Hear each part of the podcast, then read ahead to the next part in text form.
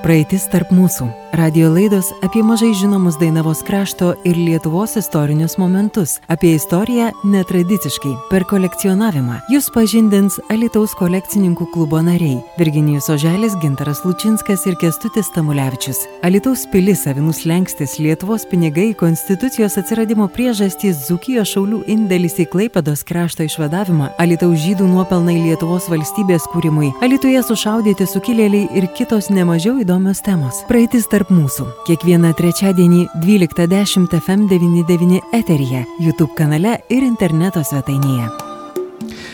Labadiena, gerbiami radijos stoties FM99 klausytojai. Šiandien trečiadienis ir su jumis vėl, vėl laida praeitis tarp mūsų. Prie mikrofono aš Virginijus Oželis ir mano kolega Gintaras Lučinskas. Sveiki, mėly klausytojai.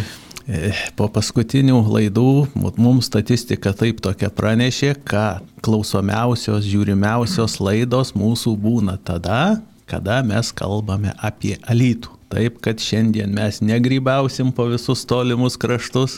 Alytus bus vis tiek alytus. Nu, aišku, laikė niekur nesidėsi. Praeitis tarp mūsų yra praeitis. Mes laikę vis tik tai paklaidžiosim. Taip, kad pradedame mūsų ne paskutinę, prieš paskutinę, bet tikiuosi, kad e, ne pačią blogiausią laidą. E, taigi, gerbiami klausytojai, gal kas iš senesnės kartos žmonių, gal kas iš senelių, galbūt prosenelių girdėjot tokį terminą zanemunčikas. Įdo, e, galvojat, kodėl kaip čia kažką vadino, taigi pasirodo alitiškiai vieni kitus vadino zanemunčikais. O kodėl? Už tai, kad gyveni gyveno vienoje nemonė pusėje, kiti kitoj. Atrodytų, kas čia tokio, kaip ir šiais laikais, nu nebuvo tilto senais laikais. Tai keltas buvo, valtis buvo, tik giminės, šeimos ten gyveno, turėjo nejudamą turtą ir toj, toj pusėje. Kodėl taip staiga tokis atskirtis tokia pasidarė. Zanemunčikai ir viskas. Na tai čia praeitis jau grįžtam vėl į tuos laikus 18 amžiaus pabaigą padalymas mūsų buvusios abiejų tautų respublikos ir siena tarp šitų jau dalintojausių grobikų ėjo Nemono upė. Alytų padalino per pusę. Antras alytus, kur mes dabar čia sėdėm ir kalbam, teko Prūsijos karalystiai, pirmas alytus Rusijos imperijai. Ir tapę skirtingų šalių piliečiais, tapo ir vieni kitiems zanemunčikais. Bet tai čia tik tai toksai, nu, pasakymas, jis, jis nieko nereiškia. Kodėl ta atskirtis atsirado būtent ne iš karto? E, vėlgi einame į istoriją nuo 1795 mūsų antras alitus atiteko Prūsijai. Na ir jis pabuvo ten iki 807 metų, kada Napoleonas įkrėtęs į kailiuką Prūsijai ir Rusijai, visiems kam netingėjo, jis tada buvo aukštumoje, atėmė iš jo šitą šitas, šitas žemė, šitas teritorijas, e, jį sukūrė tokį darinį satelitinę valstybę, kurią pavadino Varšuvos kunigaikštystė. Ir čia esminis niuansas, kad e, būtent 807 metais pas mus įsigaliojo vadinamasis Napoleono kodeksas. Tai reiškia, kad baudžiava kaip reiškinys panaikinta absoliučiai. Asmens laisvė, vienu žodžiu, negalėjo ponas ten e, priversti dirbti valstiečio,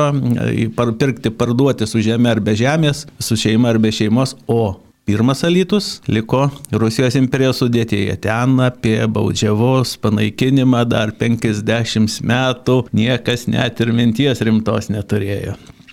Tai tas terminas turbūt atsirado todėl, kad, tarkim, ten už upės baudžiauninkai, taigi jie zanemunčikai, o mes tai laisvi. Arba atvirkščiai, pavydas iš tų žiūrėkit, žiūrėkit, va, kas jie tokie. Nu tai kažkaip nebuvo tai pagrindas nesutarimams, e, bet, e, nu kaip ir valstybės saugojo savo sienas, nebuvo tokios sienos apsaugos sistemos kaip dabar, kad ištisinai saugoma, ypač tarp nelabai ne draugiškų valstybių, bet buvo vadinami kardonai. Tai iš Rusijos pusės kazokų tokie, tokios užkardos, ten jie raiti patruliuodavo. Nu ir vienu žodžiu prižiūrėjo, kad tie zanemunčikai, kurie norėjo būti laisvi, nenorėjo būti baudžiaunikais per nemoną, ne persikraustytų į Napoleono pusę. E, bet ta valstybė Varšuvos kunigaikštystė taip pat ilgai nepagyveno. Nu, 807 jį buvo įkurta. 809 teritorijų papildyta buvo, nes Napoleonas vėlgi įkrėtė į kailį Austrijos imperatoriui kažkiek tai lenkiškų žemių prie jos prijungė. Ir baigė savo gyvavimą tą kunigaikštystę 1815 po jau paskutinio Napoleono pralaimėjimo, tas vienos kongresas gavosi. Dar va, toks nedidelis nukreipimas čia kolekcininkams daugiau bus skirta. Ta valstybė 12 mm, metų gyvavusi Varšuvos kunigaikštystė, ji turėjo savo pinigus ir savo valdovą. Tiesa, vad priminsiu, valdovas tapo Saksonijos karalius Friedrichas Augustas. Kodėl taip staiga? A už tai, kad jisai pagal dinastinius e, supratimus, nes jis buvo mūsų karaliaus Augusto III anūkas. Augusto trečia, Augustui III mirė, mirus e, turėjo paveldėti jo sostą Friedrichas Kristijanas, bet jis buvo silpnos veikatos, tais pačiais 763 atrodo ir ar ketvirtais dabar ne, nenoriu sumeluotis ir numirė. E, ir tas Friedrichas Augustas buvo sūnus to Friedricho Kristiano. Nu, kad, kad, kadangi jis buvo visiškai mažametis tėvui mirus, tai į sostą ten pretenduoti labai negalėjo ir kaip žinom, tą, tą sostą po Augusto III mirties užėmė mums gerai pažįstamas, apšnekėtas karalius Stanislavas Panetovskis, Jekaterinos imperato, imperatorės Rusijos artimas draugas. Tai po 30 metų jis atvaldė tą valstybę iki jos sėkmingos, nu, ne, negalima taip sakyti, iki jos pabaigos. O, o paskui Napoleonas, jis labai jau, kadangi palaikė tas Friedrichas Augustas, jo, jo visas ten invazijas panašiai, Saksonija priaugo ar teritorijų ir pats valdovas iš Kurfiursto, kas yra kunigaikštis, jis anksčiau buvo kunigaikštis, tapo karalium.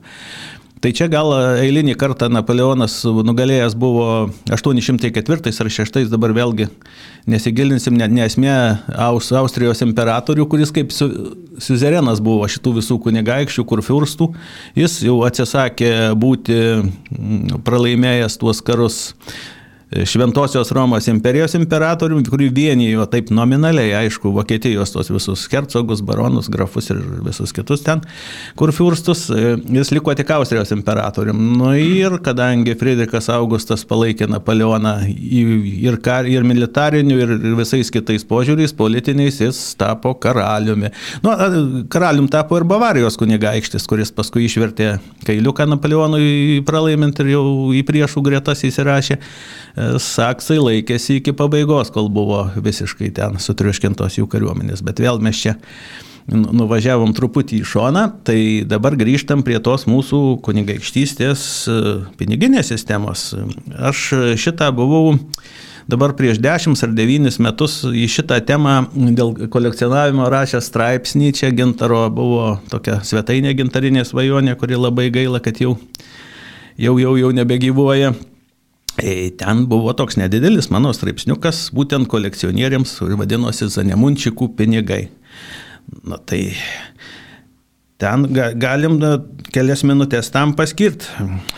Tais pačiais, aš tik antrais metais įkūrus tą jau valstybę Varšuvos kunigaikštystę, tuo pat tuo metinis jų finansų ministras nupirko tą pačią, tą patį pastatą, kuriam buvo kalykla prie Stanislovo Augusto laikais, kuri ten veikia iki 796 dar sausio mėnesį, dar, dar kalė praėjusiu metu data monetas, nupirko ir kągi gavo finansavimą.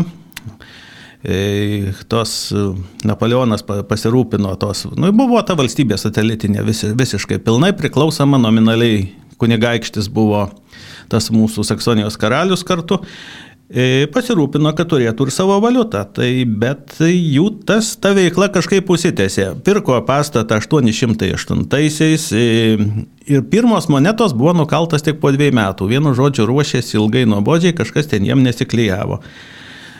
Bet nuo, nuo 10 iki 1814. Jau realiai 13 metais ir 14 pati ta Varšuvos kunigaikštystė buvo beveik visa okupuota Rusijos kariuomenės, išskyrus tas tvirtovės kelias ten Modlina, Zamostė ir kiti, kur buvo mm, blokuoti garnizonai tos pačios Varšuvos kunigaikštystės, Saksų ir Prancūzų E, bet kalykla dar veikia ir kalė monetas su to paties Friedricho Augusto portretu.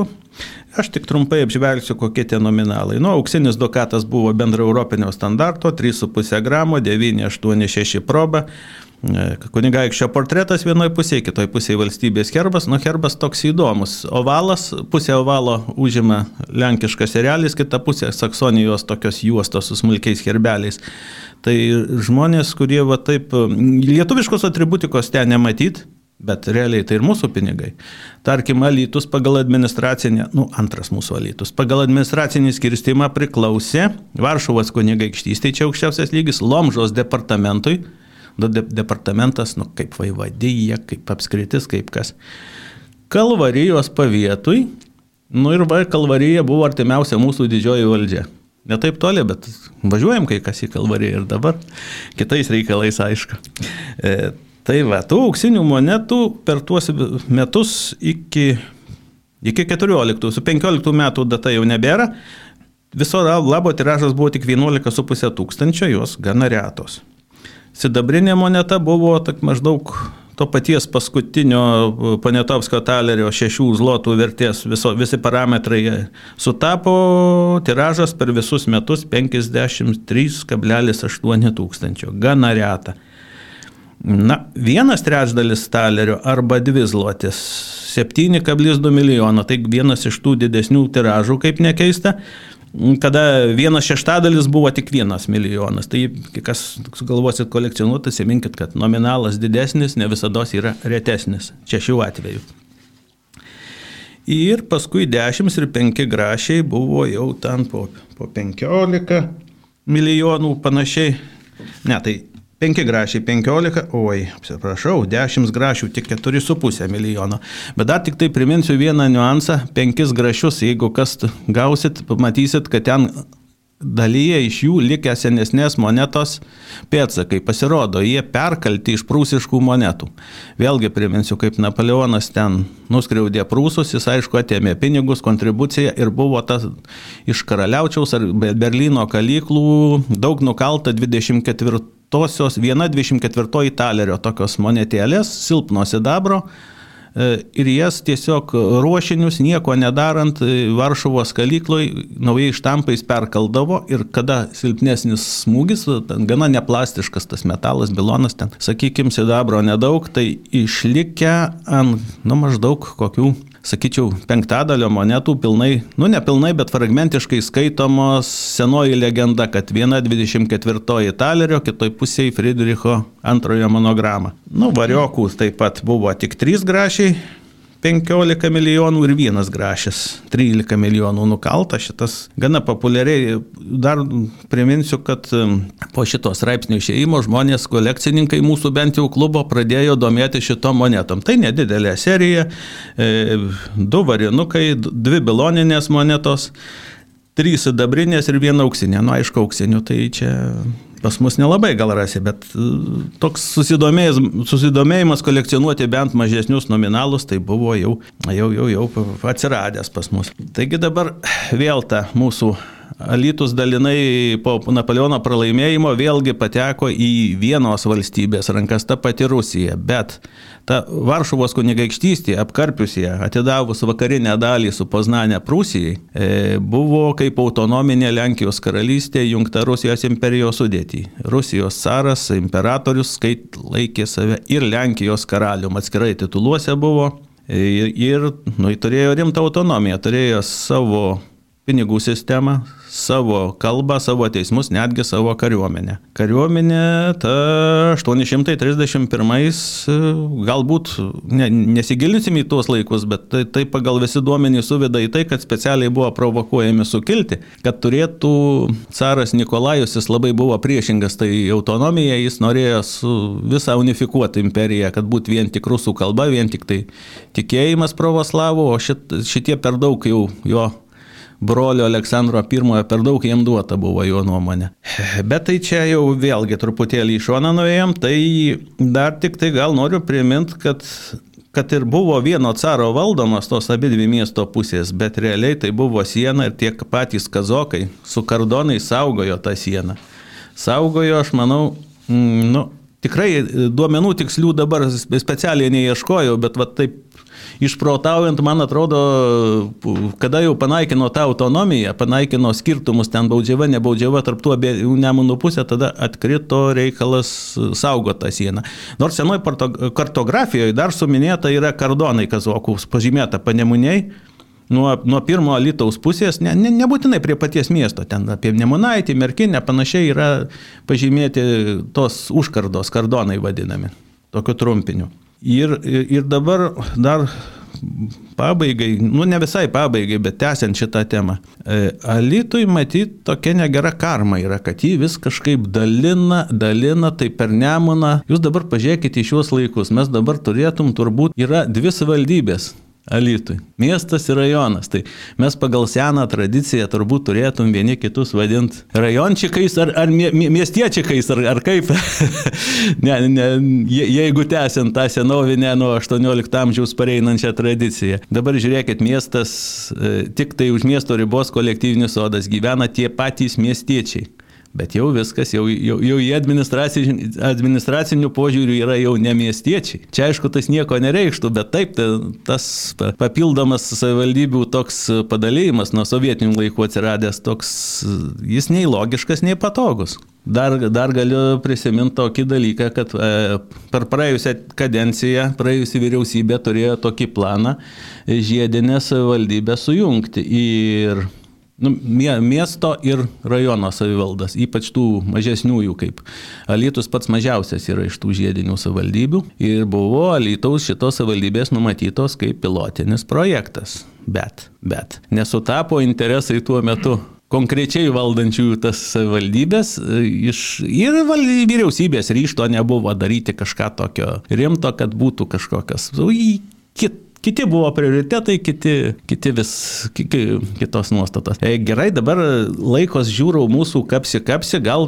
perduosim žodį gintarui, jis truputėlį irgi toli nuo lytaus nepabėgs, bet, bet kažką pasakys įdomaus, klausykitės. Kolega, jūs taip įdomiai čia pasakot, bet aš neišgirdau jūsų prisipažinimo, ar jūs Zanemunčikas ar ne. O tai kur atskaitos taškas mūsų? Mes dabar abu gyvenam šitoj Nemuno pusėje, tai mes vienas mes kitam. Abu zanemunčikai. Bet tai vienas kitam mes nezanemunčikai. Liudas irgi nezanemunčikas. Tie, kurie gyvena na pusupės, tai zanemunčikai. Mums Jei, dabar. Aš gimęs prie daugų tašių zanemunčikas. A, tai tada. pagal kilmę zanemunčikas, pagal gyvenamą vietą teisingas pilietis. Supratau.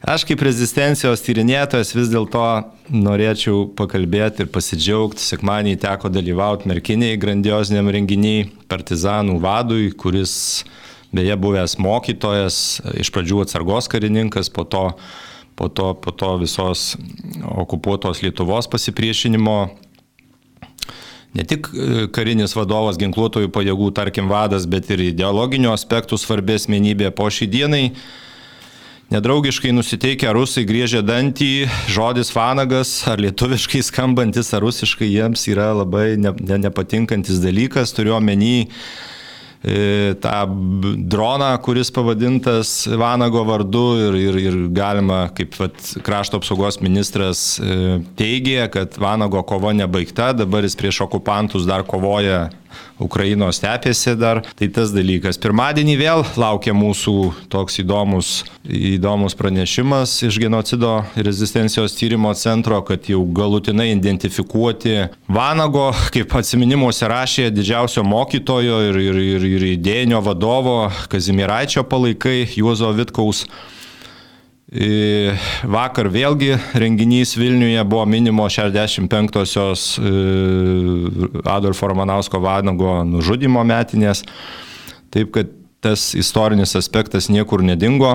E, dabar vėlgi aš kartais va, taip hiperbolizuotai stengiuosi kažką va, sudominti klausytojus per įvairias ten savo paskaitas ir panašiai. Mano senų laikų įstrigęs toksai e, daino žodžiai 1923 e, metais užrašyti prie kapčiamišio. Už dzūkų šalelę paguldė galvelę.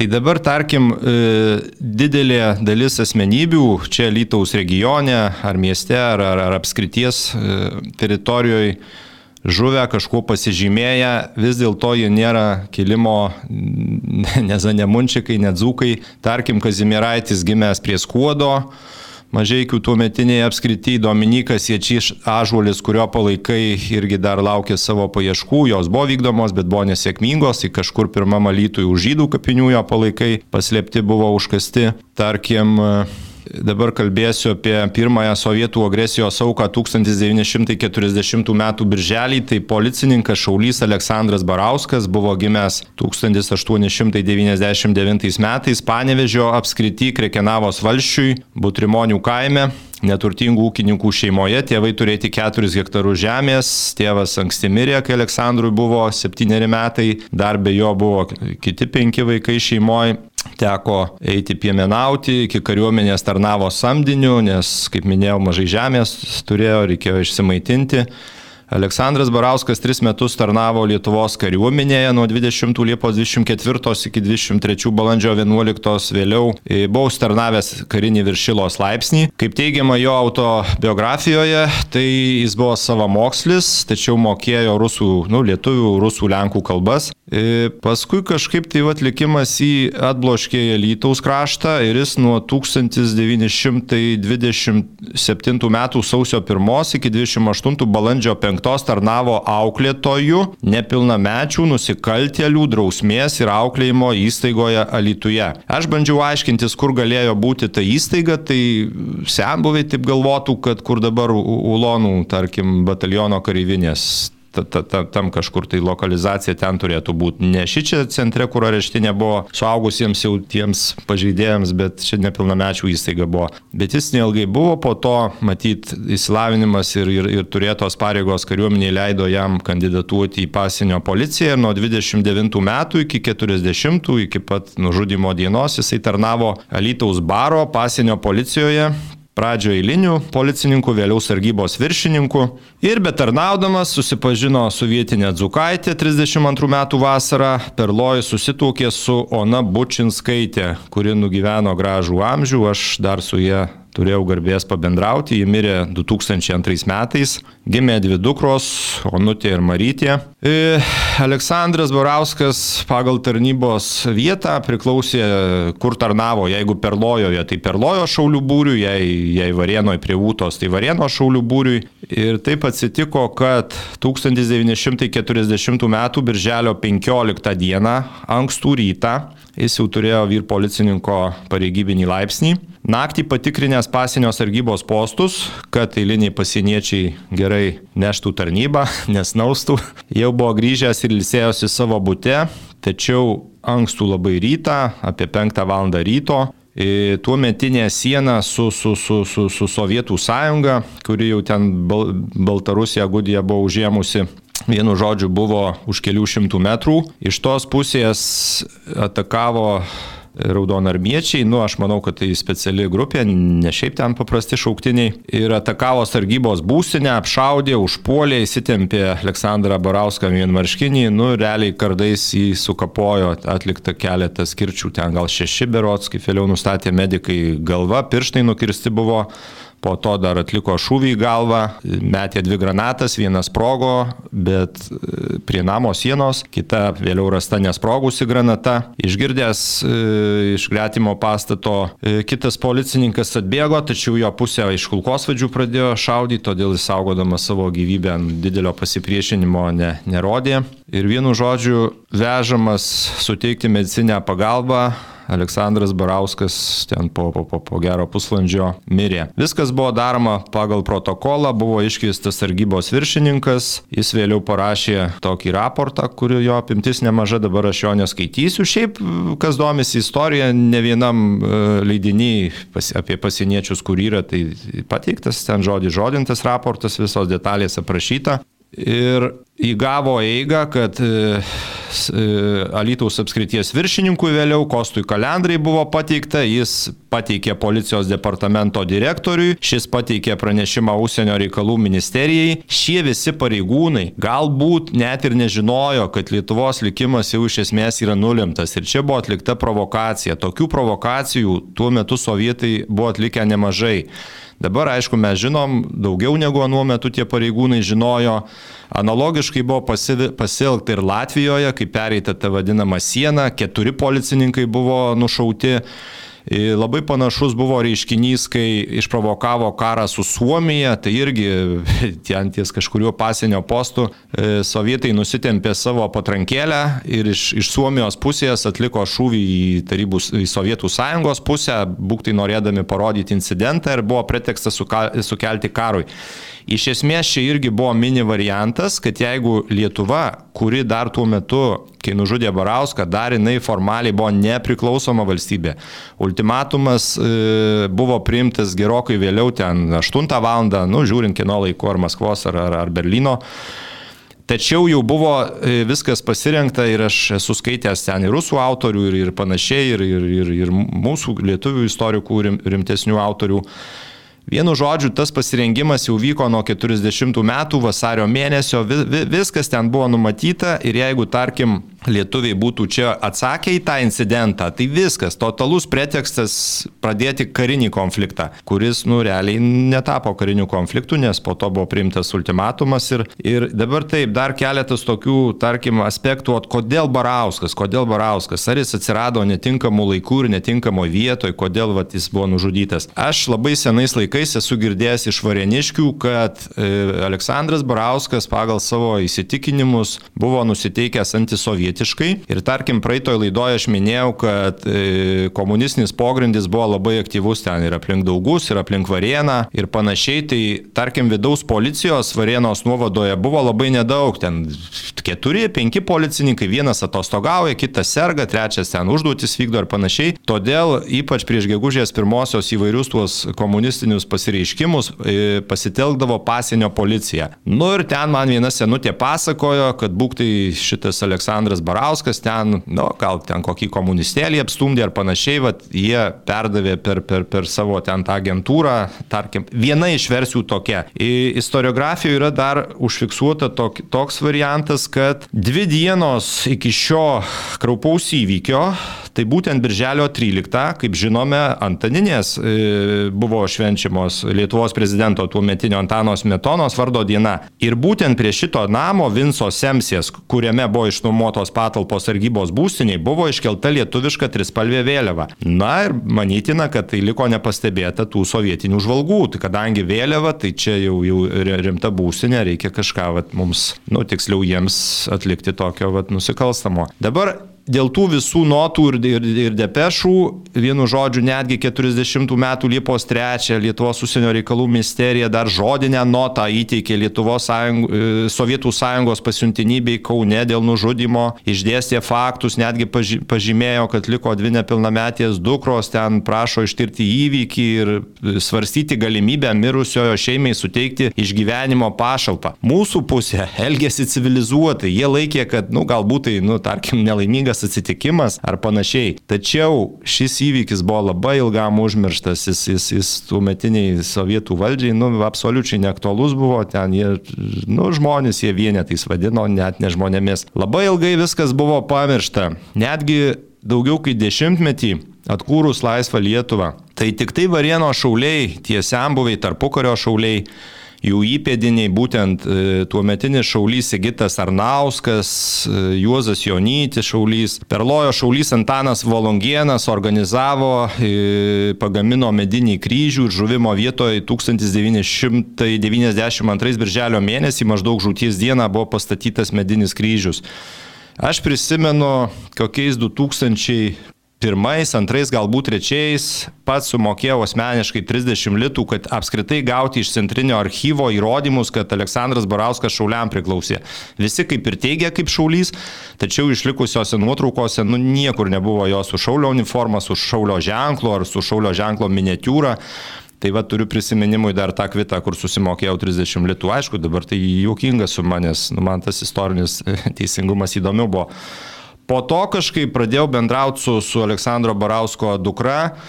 Jis labai nusivylus buvo ta valdžia, tuo metinė buvo kreipiusis dėl, dėl statuso, kad būtų ten suteiktas toks teisinis statusas, ar tai laisvės kovų dalyvio, kaip be būtų. Buvo nužudytas nepriklausomos valstybės tarnautojas, pareigūnas. E, ir, ir atlikdamas, nu, iš esmės tarnybinės pareigas, jis, jis bandė priešintis, tą rodo, kad jeigu rankos būtų kišenėse arba sudėtos prie kelienių, tai pirštai tikrai nebūtų buvę nukirsti, jis nu, kaž, kažkaip ten tiesiogiai to nužudimo nematė, bet, bet ekspertai tų metiniai taip, taip, taip, taip buvo užrašyta. Tai vienu žodžiu, šiai tikinėjau ir per renginius atvažiuodavo, liūdna tokia senutė buvo, rodo, va čia taip tas tą įtikinau, vienu žodžiu surašėm per naują, motivuotai visus dokumentus parengėm ir tada prabudo ten jau visi gerbiami veikėjai, gerbiami dėl to, kad rezultatas teigiamas. Vienu žodžiu, apdovanota Lietuvos prezidentas įteikė pomirtinį Vyčio kryžiaus ordino didįjį kryžių dukrai, e, Onai Marijai Brasiūniniai. Tada ir genocido centras jau prisiminė, kad kažką suklydo. Buvo suteiktas juridinis statusas e, buvo pastatytas tipinis atminimo ženklas 2005 metais. 2006 birželio 15 Valstybės sienos apsaugos tarnybos Varėnos rinktinės Dubičių pasienio užkardai suteiktas Aleksandro Barausko vardas. 2009 e, įtrauktas e, Aleksandro Barausko kapas į Lietuvos Respublikos kultūros vertybių registrą. 2010 minint žūties metinės po mirties apdovanotas FSAT atminimo ženklų vienai iš FSAT, e, valstybės sienos apsaugos tarnybos pasieniečių mokyklos medininkuose auditorijų suteiktas Aleksandro Barausko vardas. 2013 valstybės sienos apsaugos tarnybos iniciatyva buvo pagamintas atminimo medalis, labai gražus, bet gaila, aš kaip kolekcininkas jo neturiu.